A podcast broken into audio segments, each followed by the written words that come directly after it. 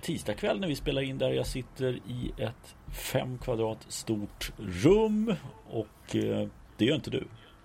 Nej, jag skulle tippa att det här kanske är, eh, ja, det är nog åtminstone 10, 12 kvadrat kanske. Fan vad lyxigt. Jag sitter och håller mina fötter borta från Brio-tåget här. Ja, även jag är omgiven av leksaker. Eh, så vi, vi sitter alltså i våra respektive barns rum eh, en, en tisdagkväll och försöker att, att eh inte låta för mycket. Ja men precis och då, då är det ju mm. läge att prata Miami tänkte vi va? Jajamän. Ja, men vi, vi, ska vi attackera där direkt? Ja men vi gör det, vi går rakt på. Eh, vi börjar uppifrån då. Vi tar den första sidan, Novak Djokovic som tar sig till kvartsfinal. Och här gick ju vi bet. Vi trodde ju att han skulle ta revansch för den usla Indian Wells-turneringen. Det trodde nog Novak också. Eh, men Xi fick han ganska ordentligt. Ja, men det kändes som att mot Batista Agut där har han det 6-1 i första. Och sen vänder spanjoren som inte är känd för att ta de här skalperna direkt. Eh, men han gör det väldigt bra och jobbar på lite, lite det här som vi har varit inne på också. Så hans spelsida, han kämpar på, han gör sin grej och han gör det oftast bra. Men sällan mot sånt här bra motstånd. Ja, men det, det är ju lite grann som med Bautista Gutt så är det ju en spelare som eh, kommer till spel med ett sorts spel. Eh, och det, det, hänger lite grann, eller lite grann, det hänger jättemycket på vem han möter. Eh, och vi har pratat mycket om Bautista Gutt faktiskt. Kanske, kanske orimligt mycket om honom med tanke på vad han är på rankingen. Men, men han är ju en sån här som är alldeles extremt bra på att slå sämre spelare. Eh, han har en, en spelstil som är jävligt flack. Eh, som är, är, nästan med underskruv och som många inte gillar. Eh, så när han möter mindre spelskickliga spelare så får de i regel problem. Mm. Spelare som svajar lite fram och tillbaka i matcher, de har också problem. Däremot om han, om man möter killar som liksom för och driver spelet eller som är enormt skickliga defensivt, då, då kan han få problem. Så att Djokovic är ju egentligen ingen önskemotståndare för honom, men, men eh, han trotsar oddsen ganska ordentligt. Eller inte oh ja. ganska ordentligt, verkligen ordentligt. Oh ja, oh ja. Eh, imponerad av honom. Vi kommer till, till kvartsfinalen sen. Eh, en noterbar grej där är att eh, Janko Tipsarevic, den skojige serben, är tillbaka. Eh, spelar på Protected Ranking. Har vi en ny Tursonov? Jag tror verkligen det. Jag får enorma Torsonov-vibbar. För er som inte har, har koll på Torsonovs historia. Eh, hygglig, ryss, som väl var in runt topp 20 och vände när han var som bäst. Mm. Eh, Ryss-amerikan får vi väl nästan säga. Han var ju baserad i USA i många år och pratar väl, fläck, pratar väl fläckfri engelska va. Mm. Eh, um, men hade en väldigt lång karriär som inte var särskilt rik på turneringar på slutet. Utan han dök upp på Protected i flera år. Ja, det, det, eh, det kändes som att det var så här tre, fyra år. Mm. Det kändes verkligen så. Eh, Tipsrevet kanske, han har ju verkligen inte fått fart på sin eh, comeback sen han eh, skadade sig och behövde operation sist. Han var ju borta över ett år då. Mm. Eh, och det har ju inte, han har ju inte lyckats återetablera sig egentligen. Han har ju inte tagit sig in topp 100 va. Nej. Så att, ehm, nej, men här, här, tar han ju viktiga poäng. Slår Bradley Clan i, i sin eh, öppningsmatch. Så att det är viktigt för honom. Just det, eh, vi släpper det och så tar vi oss neråt där. Milos Raonic gjorde ju en bra Indian Wells men här går han, åker han dit mot Kyle Edmund. Mm. Och Edmund, vi, ja, nog hade vi förväntat oss mer av Raonic med tanke på hur han spelar Indian Wells, absolut. Eh, med tanke på hur han börjat hela den här säsongen egentligen. Eh, men, men Edmund känns eh, påtagligt man vet, man vet verkligen inte vilken upplag av honom det är som, som kommer till spel i, i varje turnering. Det, det finns liksom in, inte någon jättekontinuitet i spelet hos honom. Nej. Han blandar och ger enormt i år. Mm. Eh, sen tycker jag vi hoppar över det namnet som står nedanför för vi kommer återkomma till honom och gå ner till den, eh, ja, den eh, Mastersvinnaren från Indian Wells som föga överraskande inte inte upprepar bedriften men att han skulle åka mot Hurkacz direkt det var väl kanske inte riktigt det man hade haft i åtanke. Det är väl ett, ett, ett klassiskt fall av baksmälla får vi, får ja. vi verkligen säga. Eh, man ska verkligen inte ta någonting från Hurkacz som, som eh, tar eh, små men viktiga steg framåt. Eh, är en, är en ansedd talang, en fullt kapabel spelare eh, och kommer, är ju på god väg att etablera sig på allvar på ATP-touren och kommer att bli riktigt bra. Men eh, team ska ju ta honom. Så mycket ja. måste man ändå kunna konstatera. Ja, ja, men så är det. Men sen åker Hurkacz ut mot en spelare som, som vi ska, vi kommer prata lite mer om det med. Men Ogier Aliasim, vi har pratat honom, om honom många gånger. Men nu ser det väldigt, väldigt bra ut och det är nästan lite tidigare än vad, vad vi trodde.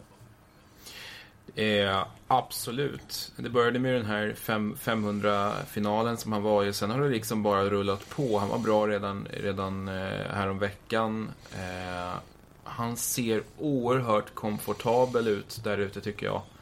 Um, han ser så trygg ut. Han spelar ja. väldigt moget och Ja men lite, lite som Zverev också har gjort egentligen sen han kom fram. För ung för att spela så moget spel.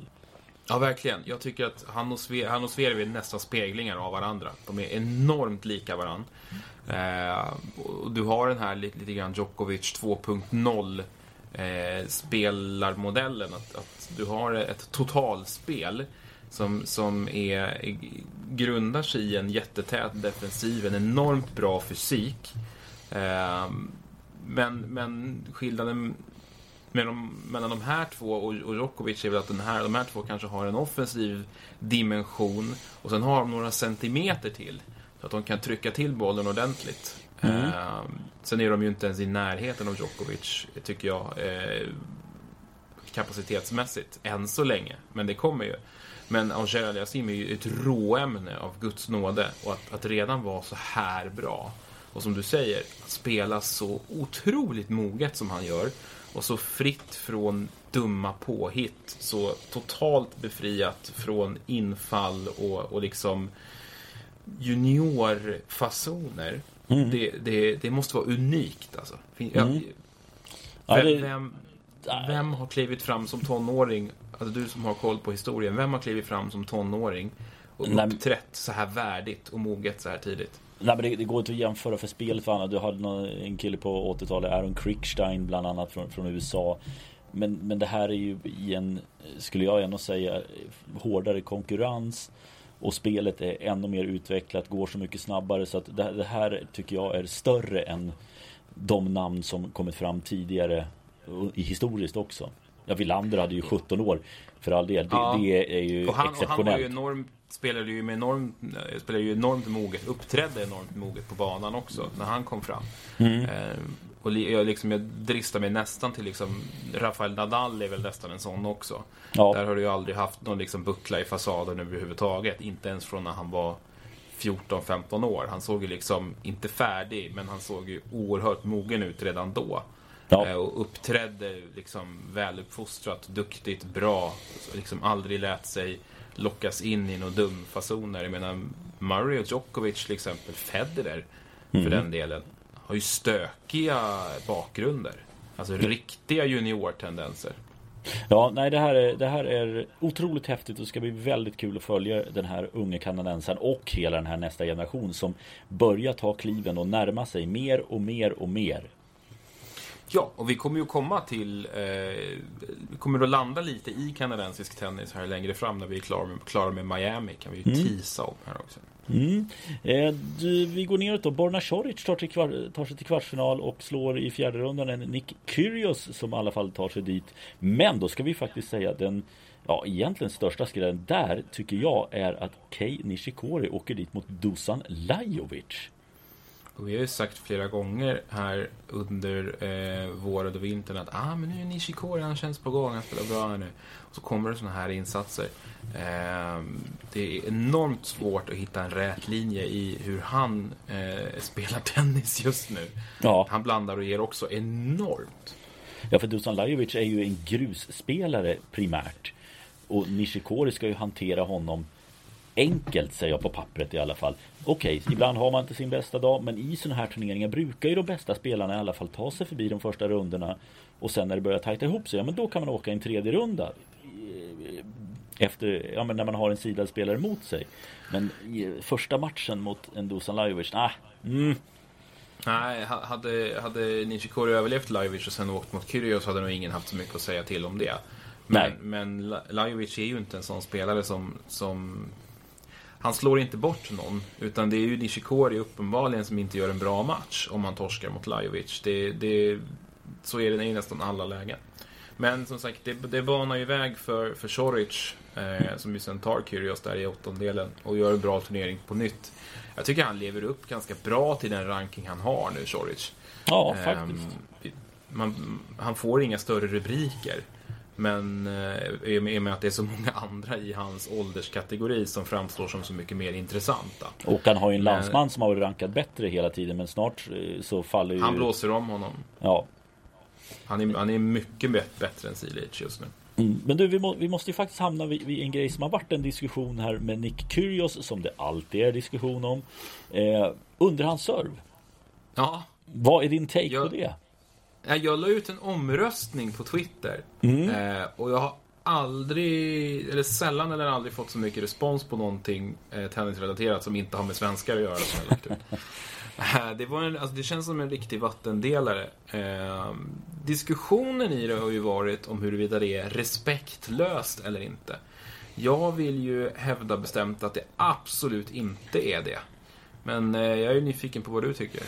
Nej, men jag hade hoppats att du skulle ta, eh, ta andra sidan där. Jag, jag, tror också, eh, jag kommer ihåg Lendl fick enormt mycket skit när han gjorde någon sån underhandsserve på 80-talet. Eh, men jag måste säga att någonstans så är ju det en del av spelet. Om än mm. väldigt, väldigt sällsynt. Men det är tillåtet att göra det. Är det då respektlöst? Nej, jag tycker faktiskt inte det. Utan är det så att du står fyra kilometer bakom baslinjen. Ja, varför skulle du inte kunna få göra så där? Mm. Nej, jag, jag, håller, jag håller helt med och, och, det är väl någonstans måste ju alla som tar emot en server visa att de är på tårna. Mm. Eh, och jag, jag hamnade i en ganska intressant diskussion med en person på Twitter om just, om just det här.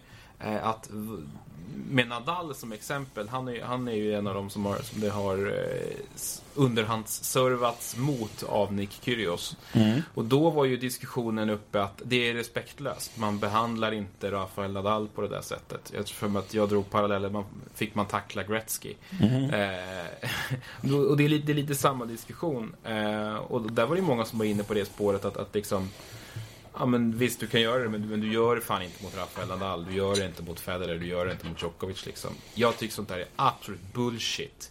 Men det, alla, spe, alla är ju lika, du ska vinna. Du ska vinna. Ja. Och det där är, det, det är liksom, det, det, det är ett renhårigt sätt tycker jag. Alltså Rafael Nadal, att, att inte fler har, har satt hans eh, returposition på lite större prov förvånar mig.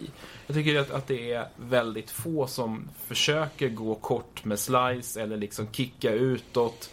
Eh, det känns som att man liksom, som många liksom bara kapitulerar inför det faktum att, att han är så jävla bra. Men han står, som du säger, kilometer bakom baslinjen. Mm. Eh, och många med honom gör samma sak. Team gör, gör, gör exakt samma grej. Nej, jag, det jag, borde jag, gå att utnyttja och det, det går ju uppenbarligen. Ja, att slänga in en sån här kan ju liksom rubba, rubba cirklarna rejält för den typen av spelare. Ja men och sen så undrar jag också om det hade blivit lika stora rubriker om det inte hade varit Nick Kyrgios. Nu är det bara han som är tillräckligt vild i hjärnan för att göra den typen av slag. Möjligtvis Fognini. Eh, men att, ja men om eh, om Choric hade gjort det hade det blivit lika stora rubriker. Förmodligen Absolut inte. Absolut inte. Nej, nej det, det, är klart att det blir en, en, en, extra stor grej för att det är Kyrgios. Då, är det, då kommer ju automatiskt den här respekt eh, respektvinkeln in. Och man kan kalla honom respektlös på grund av många anledningar. Absolut. Men det här tycker jag in, inte är en. Nej. Eh, det, här, det här ska han fortsätta med. eh, och fler ska ta efter, tycker jag. Jag, tror, det, att fler, jag gör... tror att fler kommer göra det också. Ja, jag tror också det. det, det, här, det här kommer resultera i att det blir en helt annan nerv.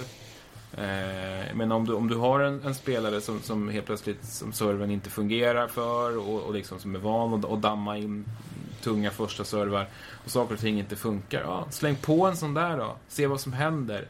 Börja liksom störa rytmen för den som, som tar emot. Det, jag tror att det kan ge hur mycket som helst. Absolut. Eh, hörru du, vi flyttar ner då och så säger vi att Kevin Anderson eh, gjorde det bra och tog sig till kvartsfinal egentligen i sin, vad ska man säga, comeback kanske lite att ta i men, men under hans uppehåll, skadeuppehåll här så sen Australian Open är det väl så tar han sig ändå till kvartsfinal. Spelar han Indian Wells förresten? Eh, nu sätter du mig lite på pottan här. Jag, jag har inte den framför mig. Och om han gjorde det så gjorde han ju uppenbarligen en väldigt slät figur. Så mycket kan vi ju säga. Ja. Det här är hans första egentliga framgång i år, va? Ja, det, det är det. För han åkte ju lite för tidigt i, i Australian Open. Men här så var det väl så att han ändå tog sig. Nej, han drog sig ur Indian Wells. Eh, mm. Ska sägas. Eh, men det, nej, imponerande av honom. Jag tycker att han gör det bra. Eh, det är ingen supersvår lottning, ska vi säga. Nej, det var, det var nog ganska tacksamt att få det. Han slapp Dimitrov, Eh, som också var tillbaka. Eh, Dimitrov förlorade mot Jordan Thompson. Men han slår alltså Monar, som inte har någonting att hämta på det här underlaget, tycker jag i alla fall. Eh, Charles Sousa har han kontroll på och Jordan Thompson också kontrollerat. Så nej, men perfekt för honom att vinna de här tre matcherna och ta sig till en kvartsfinal. Och sen tar det ju ganska ordentligt tvärstopp mot Federer så får han ju verkligen bekänna färg där. Mm. Eh, och klarar ju uppenbarligen inte av det. Eh, men vi ska vi säga också på under halvan där, Jordan Thompson, vi nämner honom bara i förbifarten. Mm. Jag tror han gör sitt livsturnering. Eh, faktiskt. Han slår i tur och ordning ut Cameron Norrie, Karen Kachanov och Grigor Dimitrov. Mm, det är en, eh, en bra rad. Ja, jag tror inte... Såna, tre sådana segrar har han nog aldrig tagit i rad förut. Eh, utan att ha alla hans resultat i bakhuvudet. Men det känns som att eh, det här måste ha varit en, en riktig guldvecka för Thomson. Den mådde han nog bra efter. Ja, en bra boost för honom. Flyttar vi ner och så... Eh, Verkligen. Medvedev varnade du lite grann för och han tar sig fram till en fjärde runda. Eh, och Sen så åker han på Federer, där tar det ju stopp då. Och Federer, han hade, var lite trögstartad där och åkte på, höll på att åka dit mot Albot. Kvalspelaren mm. Magnus Tideman tränade Radu Albot. Ehm, men sen så börjar hjulen snurra lite snabbare. Eh, absolut, som sagt, som du säger, trög start. Albot å andra sidan fortsätter ju verkligen att liksom bekänna färg. Han fortsätter att visa att han, han är topp 50-material med råge. Mm. Eh, och att den här fina starten på säsongen är ingen slump. Han spelar kanon. Eh, men som sagt, Federer växlar upp för varje omgång här. Är oväntat bra, eh, tycker jag.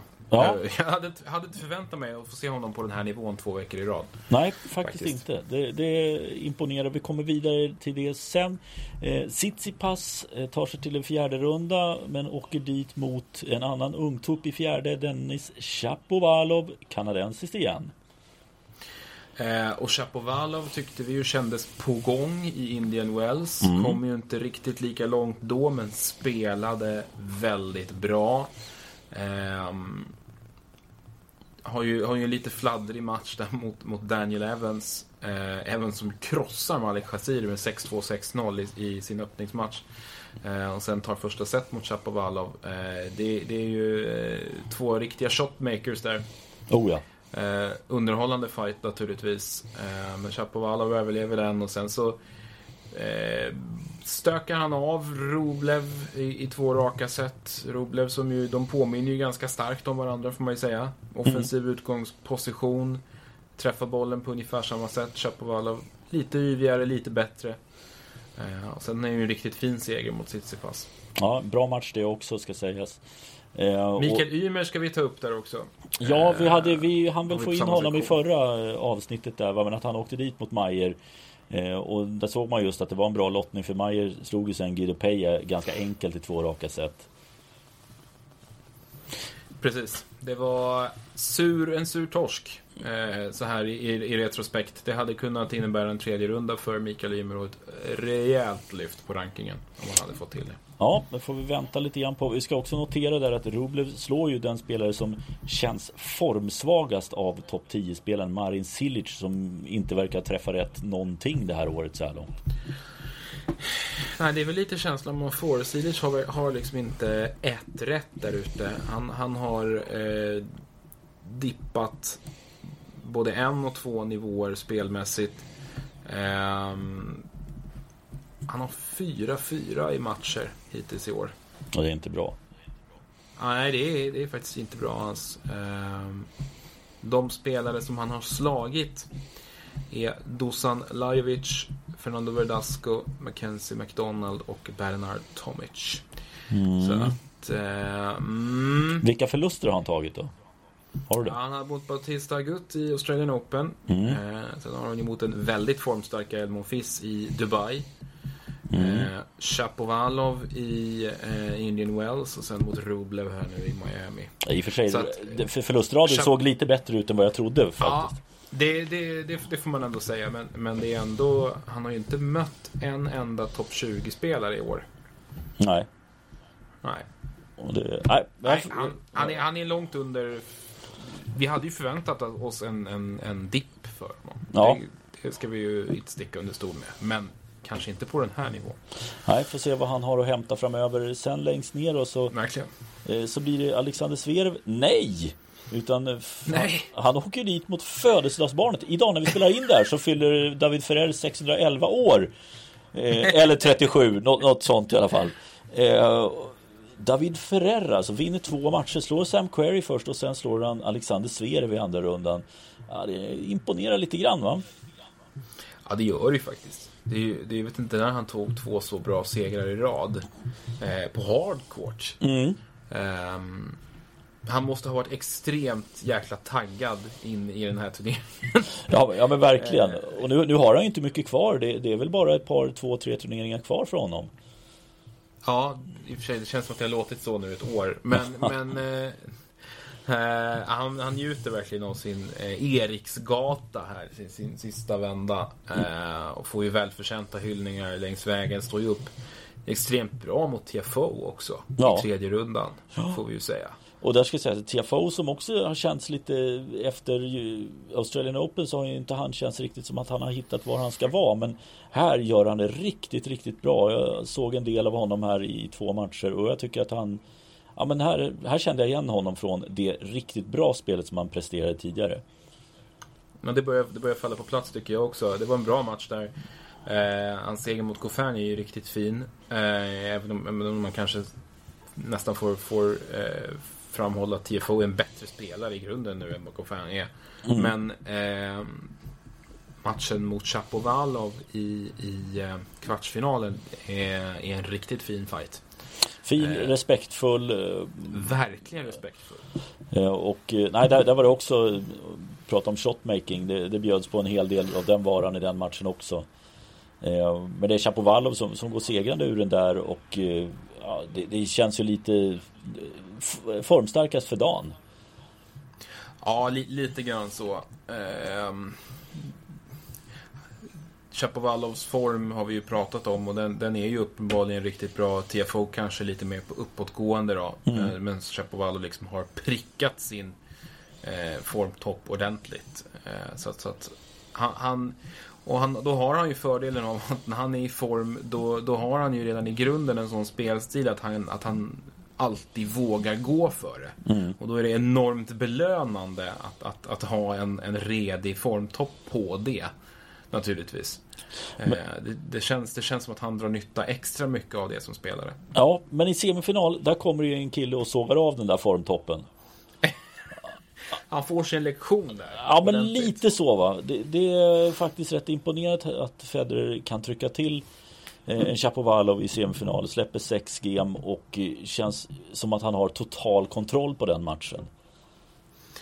Ja, och det, det är ju ett sånt, ytterligare ett sånt jätteformbesked ifrån eh, Federer. För att man kan ju ändå liksom säga, alltså Chapovalov möter ju nästan bara spelare, eller egentligen bara spelare som, som inte lirar som Federer, men, men som har ett offensiv, en offensiv grundsyn på tennis. Eh, så att han möter i stort sett bara spelare som vill fram, som, som möter bollen tidigt, som, som kliver upp på nät. Kanske inte Rublev, han verkar lite rädd för nätet. Men, men, men, men, men som det bjuder in till offensivt spel med. Ja. Så möter han ju en Federer som är på en helt annan nivå än de andra som han har ställts mot tidigare. Ja, det tror jag, jag tror just Federers Den här mixen som han Spelar med Ja. Jag kommer ihåg det är här Björkman som har sagt och det är många som har sagt genom åren att Du vet aldrig med vilken kraft, vilken spin bollen kommer utan det kommer olika varje gång Och det är, Exakt. de är väl inte helt, de är inte helt vana vid det än i alla fall. Nej, Federer är ju en sån spelare som, som man verkligen måste lära sig att spela mot och det har ju liksom de bästa gjort. Eh, och, och, och, till slut liksom knäckt den här koden. Eh, men, Chapo, men, men Chapovalov och många unga spelare med honom har ju i regel väldiga problem med Federer. För att det, det liknar ju ingenting annat. Eh, och jag tycker att så här långt fram i turneringen och det man såg med Federer då, då började man liksom känna okej, okay, vi, är, vi är liksom vi är på den här nivån, kanske mot Anderson där. Att, eh, jag brukar ofta prata om, om att när han tar bollen, ja. hur han tar bollen. Och jag tycker det var extremt mycket liksom uppstuds på backhandsidan och liksom halvvolley som han liksom drämmer ner i något hörn och inside out forehands. Och då känner man någonstans att han är i zonen nu. Eh, och vem ska, vem av dem som är kvar ska få stopp på det här? Ja, Ingen. Nej, eh, och det, det blev ju faktiskt svaret sen också. Men flyttar vi upp i alla fall så innan vi tar oss dit till finalen så Och Gerard Aliasim slår Choric i kvartsfinalen. Jag såg tyvärr ingenting av den matchen. Eh, men det är väl också lite grann att ja, men Choric till en kvartsfinal Bra och Gerard Aliasim är eh, ordentligt taggad Rullar på ett enormt självförtroende och gör det han ska och gör det perfekt. Ja, de är ju inte helt olika varandra som spelare. Och Gerald Yassim har väl kanske lite mer bett i, i spelet. Men, men eh, det gör ju att det där framstår ju som, som kanske oväntat klara siffror för honom. Mm. Eh, han var ju på intet sätt favorit in i den matchen. Nej, eh, imponerat och eh, Sen då i semifinal så får han möta en, en kille som alltså har Fram dit har han sju tiebreak-set och lyckades bryta Amos, Ramos Vinolas serviceställningen fem lika i ett set där, i övrigt bara tiebreak-set för John Isner, fjolårsvinnaren i Miami. Och ja, vi, ja, vi, vi har väl våra tankar om John Isner men han gör det ju jäkligt bra. Nu kan han leva på det här riktigt länge också. Ja, eh, verkligen. Det där var väl tyvärr lite grann blev väl eh, Auger Sims match att förlora. Han hade väl break-up va, tror jag. I, i, om inte båda så åtminstone ett av sätten har jag för mig. Mm. Eh, jag måste få läsa upp en sak. Låt höra. Eh, från en krönikör i The Globe and Mail som tittade på den här matchen och skrev så här om den. Uh, Oger Aliasim had a mental as opposed to physical breakdown on Friday in, in the Miami Open semifinal against the human pitching machine, John Isner. the Canadian had the match won twice. He gave it back both times. Isner, a born loser who has turned his sad sackness into a superpower, survived rather than won. Once it ended, he had the decency not to celebrate the win. Isner is a simultaneous is simultaneously a great American and an atrociously unwatchable tennis player. He won 7-6, 7-6. ja, det, det... Mustig, eh, mustig recap av, av den matchen. Ja, jag måste även säga att han höll på en jävligt värdig nivå i den krönikan. Alltså, jag har, men absolut, jag, jag har aldrig hört eller aldrig läst någon såga en spelare så brutalt samtidigt som man någonstans mitt i det ger honom ganska mycket cred. Ja, ja men eller hur? Ja, det ja. var ett riktigt bra citat. Ja. Det var alltså jag, den här har jag myst åt hela dagen. eh, sen, jag, sen jag hittade den. Jag tycker det är en sån helt fantastisk text. Ja, men det, det, man, man, måste ge isen att han gör allting som han kan. Han har blivit lite bättre på att nyttja det, det spel som han har. Eh, ja. Human pitching machine. Ja, det är så jävla fint. Eh, men i, i, i, finalen sen så måste man ju säga att jag, jag kan säga att eh, jag föredrar ju Federer alla dagar i veckan för John Isner. Jag hade föredragit oj, oj, oj, alla ja. spelare mm. tror jag för John Isner att back-to-back Miami vinster. Nej, hade inte känts riktigt värdigt va. Eh, Nej, och jag är glad att vi slapp det. Ja. för, för, för, finalen gick ju så fort så att du hade, om du inte var snabb så och blinkade för länge, då hade du missat finalen. Federer, Federer läser ju honom sönder och samman. Eh, han returnerar på ett helt makalöst sätt. Och det, det, jag tycker det... hänger med huvudet efter ett par game. Ja men jag tycker att det är just den grejen. Nu ska sägas att Isner hade en, en fotskada som, som han adresserade till sin box och han tog en medical för den också. Mm. Men han, när han blir läst så har han liksom ingenting han har ingen plan B för serven heller utan Nej, nej, nej. För jag har sett honom bli totalt sönderläst av Av Nadal också och det kanske är den typen av spelare som klarar av att läsa honom Men det är så tydligt när de gångerna inträffar att han vet inte vad han ska göra för att han har inget annat att luta sig mot. Nej, precis. Eh, till skillnad från Federer då, som har allt. Mm. Eh, och plockar fram hela tiden. Och gör det ju också. Eh, och det känns som att inför en sån här match så känns han känns större, han känns längre än Isner. Eh, han, han, känns, han känns liksom som ett monster trots att det skiljer 25 cm mellan de här två. Mm. Eh, Federer tror aldrig någonsin i den här matchen att han ska tappa den. Det känns inte så. Nej. Han är så himla säker på att han ska plocka det här. Eh, och det tror jag han har varit i flera dagar när han kommer fram till finalen. För han är, han är i sån äcklig formtopp. Ja, det, eh. det, det, imponerar väldigt mycket. Det är titel 101. Eh, och... mm, vad tror vi om Ja. Alltså Connors rekord sist, vad, vad, känner du nu? Nej, jag, jag, jag, jag, tror inte att han kommer komma upp till det. Eh, och eh, jag tror en del kommer vara till det om vi ska ta honom framåt här nu, att han ska spela grussäsongen. Och nu läste jag idag att eh, det var prat om att det här är nog sista grussäsongen i alla fall, säger han. Och jag tror inte den kommer hjälpa honom resten av året att han spelar grussäsongen. Det är ju jag tycker det är så svårt att, att, säga egentligen. Han ska ju bara spela två turneringar. Han ska spela Madrid och han ska spela Franska öppna. Så att det känns ju mer som en farewell tour, mer, mer än liksom en, en parentes under hans tennisår, mer en slutpunkt på, eh, på, på gruskarriären. Men... Ja, det är svårt. Jag, jag, jag tror att han, han, har ju ändå Wimbledon och gräset i bakhuvudet här. Mm. Eh, jag tror att han, han, han kommer inte att bränna sig. Jag tror inte han gör det. Jag tror inte att det kommer att ha så mycket med, med det att göra. Men du tror han, han kan få problem? Ja, men jag tror det. Man ser ju att nu har han inte spelat i grus och då har han ändå haft problem med, med kroppen senare delen på säsongen här. Eh, mm. och, och, två turneringar till. Och sen tar han givetvis ett sent wildcard till Genève. Det, det vet ju alla. Och spelar loserveckan. Uh, skulle han göra det, då vet man att han definitivt inte går för att vinna Franska öppna, vilket jag inte tror att han kommer göra ändå. Uh, nej.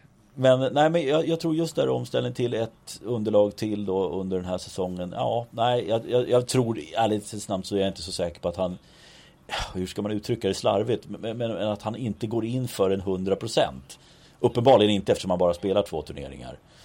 Eh, men jag tror inte att han förväntar sig att få med sig några resultat överhuvudtaget.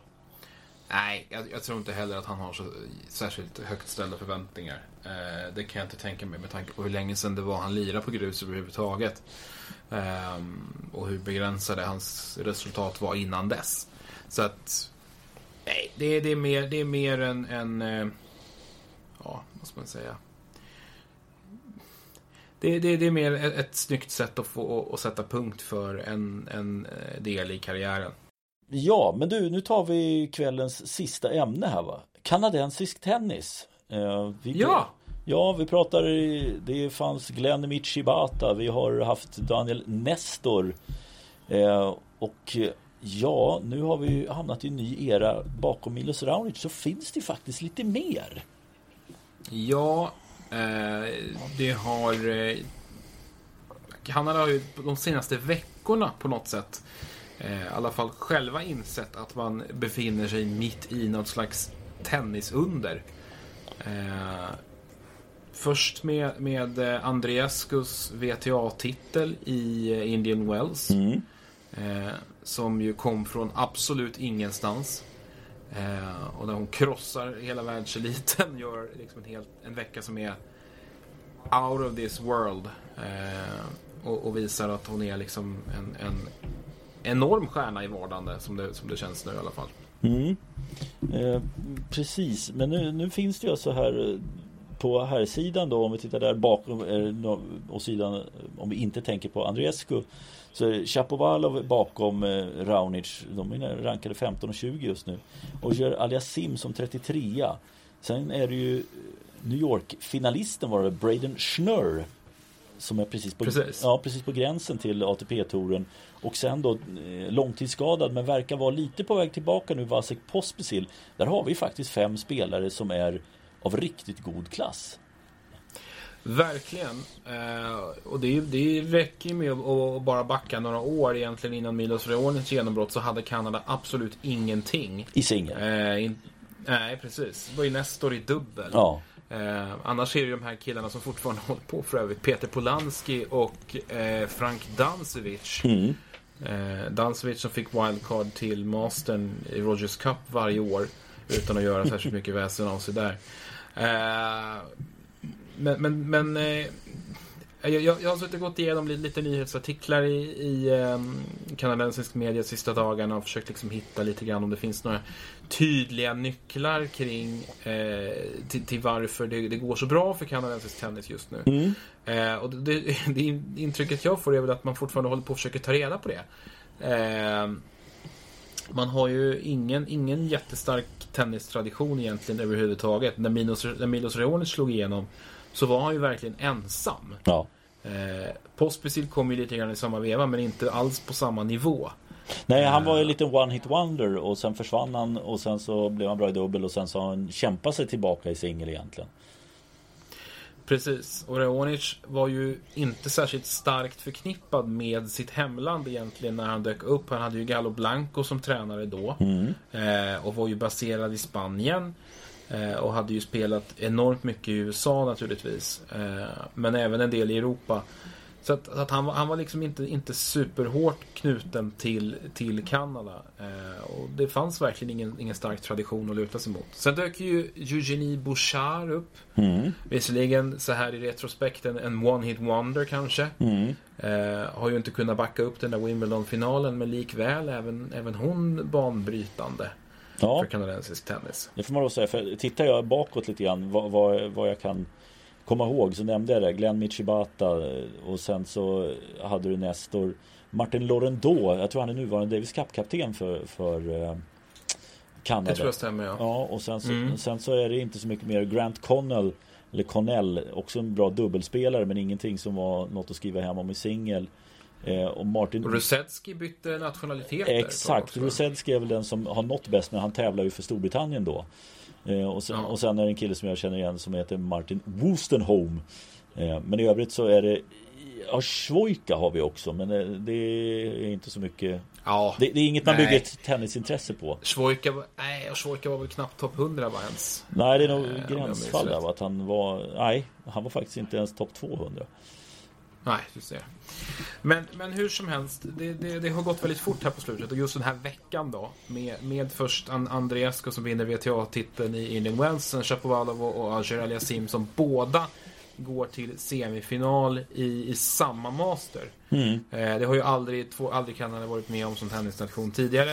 Eh, det var jättelänge sedan ens eh, ett nordamerikanskt land eh, kunde ståta med det. USA hade väl det, ja, det måste väl varit typ Roddick och Blake eller där. Ja, något Om- Fish kan ha varit med i den vevan också. Ja, men vi får backa minst tio år. Mm.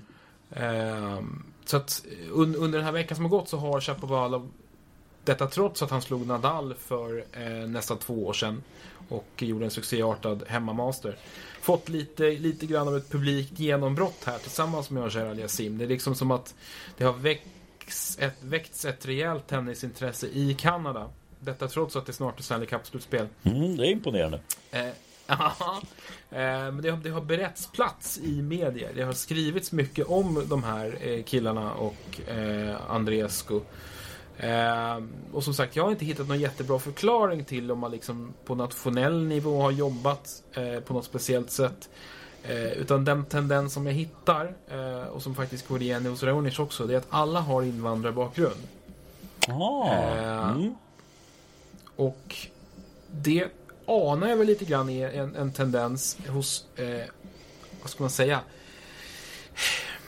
Eh, alltså välbemedlade tennisnationer att det kommer spelare underifrån som inte har den här klassiska privilegierade bakgrunden. Mm, mm. För Raonic har ju, en, har ju en invandrarbakgrund. Hans föräldrar kommer ju från Balkan. Mm, Han är ju visserligen född i Kanada själv, va? eh, det, Om inte annat så kom han dit väldigt, väldigt tidigt i livet. mm, han är... Nej, han är faktiskt... Han är faktiskt född, Han är född i Montenegro. Montenegro. Ja. Ja. Eh, så kom till Kanada då bevisligen eh, i väldigt, väldigt ung ålder. Chapovalov har ryska föräldrar, Mm. född i Kanada. Och Cher Aliasim har en pappa som jag tror är från Tonga. Ja, okej. Ja, han är född i Kanada i alla fall. Så mycket har jag koll på. Ja, det är han. Eh, och han har kanadensisk mamma, men inte kanadensisk pappa. Mm. Eh, så, så att även där har du ju ett lite så här underifrån perspektiv. Mm. Går ju att jämföra med Francis Tiafoe, som är USAs största tennishopp just nu. Mm. Eh, som vi pratade om för några månader sedan. Hans pappa var ju vaktmästare på en tennisklubb. Eh, och TFO tog sig liksom in den vägen. Mm. Väldigt okonventionellt. Mm. Så att eh, och Andreas går lika så. Eh, hennes föräldrar är ju från Rumänien som namnet antyder. Mm. Båda två invandrare till Kanada. Eh, hon är visserligen född där själv då. Men, men alla de tre, och fyra då, med Raonic som ju visserligen är nästan tio år emellan, eh, har invandrarbakgrund. Så att det handlar nog mer om en individuell och kanske familjemässig drivkraft Mm. än en, ett nationellt förbund som jobbar på ett visst sätt här. Mm. Eh, men det finns ju uppenbarligen en bra grogrund i Kanada för, eh, för den typen av framgångar. Ja, men det blir ju intressant att se om de plockar upp just den eh, analysen som du kommer fram till på ett ganska kort sätt. Om, om de tittar i de banorna. Det kan bli intressant att se här framöver de, de kommande åren om inte att det kommer upp nya storspelare med eh, invandrarbakgrund eh, men att de snappar upp det i en tidigare, att de bygger någonting Tennis Canada. Att, att göra någonting av det från tidig ålder. Man får ju nästan hoppas det. Eh, och jag skulle inte bli förvånad om USA kanske sneglar åt Kanadas håll och undrar och liksom kikar. Okej, de gör uppenbarligen något bra här. Det kommer killar och tjejer eh, med en bakgrund som, som kanske är lite mer okonventionell. Jag upplever att det är lite mer uppluckrat på damsidan i USA. Vi har ändå systrarna Williams Mm. som, som har en, en väldigt oortodox tennisbakgrund. Mm. Eh, kommer ju från en av liksom Los Angeles tuffaste förorter. Mm. Eh, och många som har följt i deras spår. Mm. Eh, men på här sidan har man ju sett liksom en oändlig, aldrig sinande mängd bortskämda killar eh, som kommer ifrån ja, men väldigt välbeställda hem och som sen inte levererar på seniornivå trots eh, en oändlig mängd wildcards och hur många möjligheter som helst. Eh, typ Ryan Harrison är väl ett typexempel på en sån spelare. Ja men verkligen. Eh, eh, och sådana finns det ju många av. Liksom. Men så kommer en sån här som TFO till exempel fram och så har han en annan bakgrund och, och slår sig fram på ett helt på, på ett betydligt bättre sätt som liksom en sån som Taylor Fritz inte riktigt har klarat av. Även om det börjar se bättre ut för honom. Och han är ju den typen av spelare som kommer från den väntade bakgrunden. Mm. Då. Eh, Vi hade ju- att, vi- jag, jag tycker det är oerhört kul att se och kul att följa. Och eh, det ska jag säga också att, att Raonics betydelse har framhållits ordentligt. Hans genombrott eh, spekulerar många krönikörer i här i Kanada att det, har, det måste ha betytt hur mycket som helst. Jag har, jag har inte hört Chapovalov och Asher Aliasim själva prata om det. Nej. Men, men det, han borde ju rimligtvis vara en ledstjärna även för dem. Ja, men det, det behöver inte vara direkt att, att man har suttit och tittat på Raonics matcher men, men det kan ju vara ändå att, att, det, att det, det hjälper till för det blir någon sorts skriverier. Det kanske får att, att det får en skjuts av det utan att de här killarna kanske nästan var så små så att de inte ens kom ihåg det tänkte jag säga. Men, men att de vet inte riktigt varför de börjar. Men, men det kan ju ligga någonting i Raonics framgångar förstås. Till att de började med tennis eller att de fortsatte med tennis eller att deras föräldrar uppmärksammade det. Ja men precis. Eh, och bara att det finns någon där som gör den resan från eh, deras hemland. Mm. Eh, det är klart att det betyder jättemycket. Verkligen. Ja, men det, där jag tycker att vi har, vi har väl avhandlat Kanada ganska fint här på tisdagskvällen. absolut. Ja, hörru du, ska vi ta och stänga den här butiken och återkomma med nya friska tag om ett tag?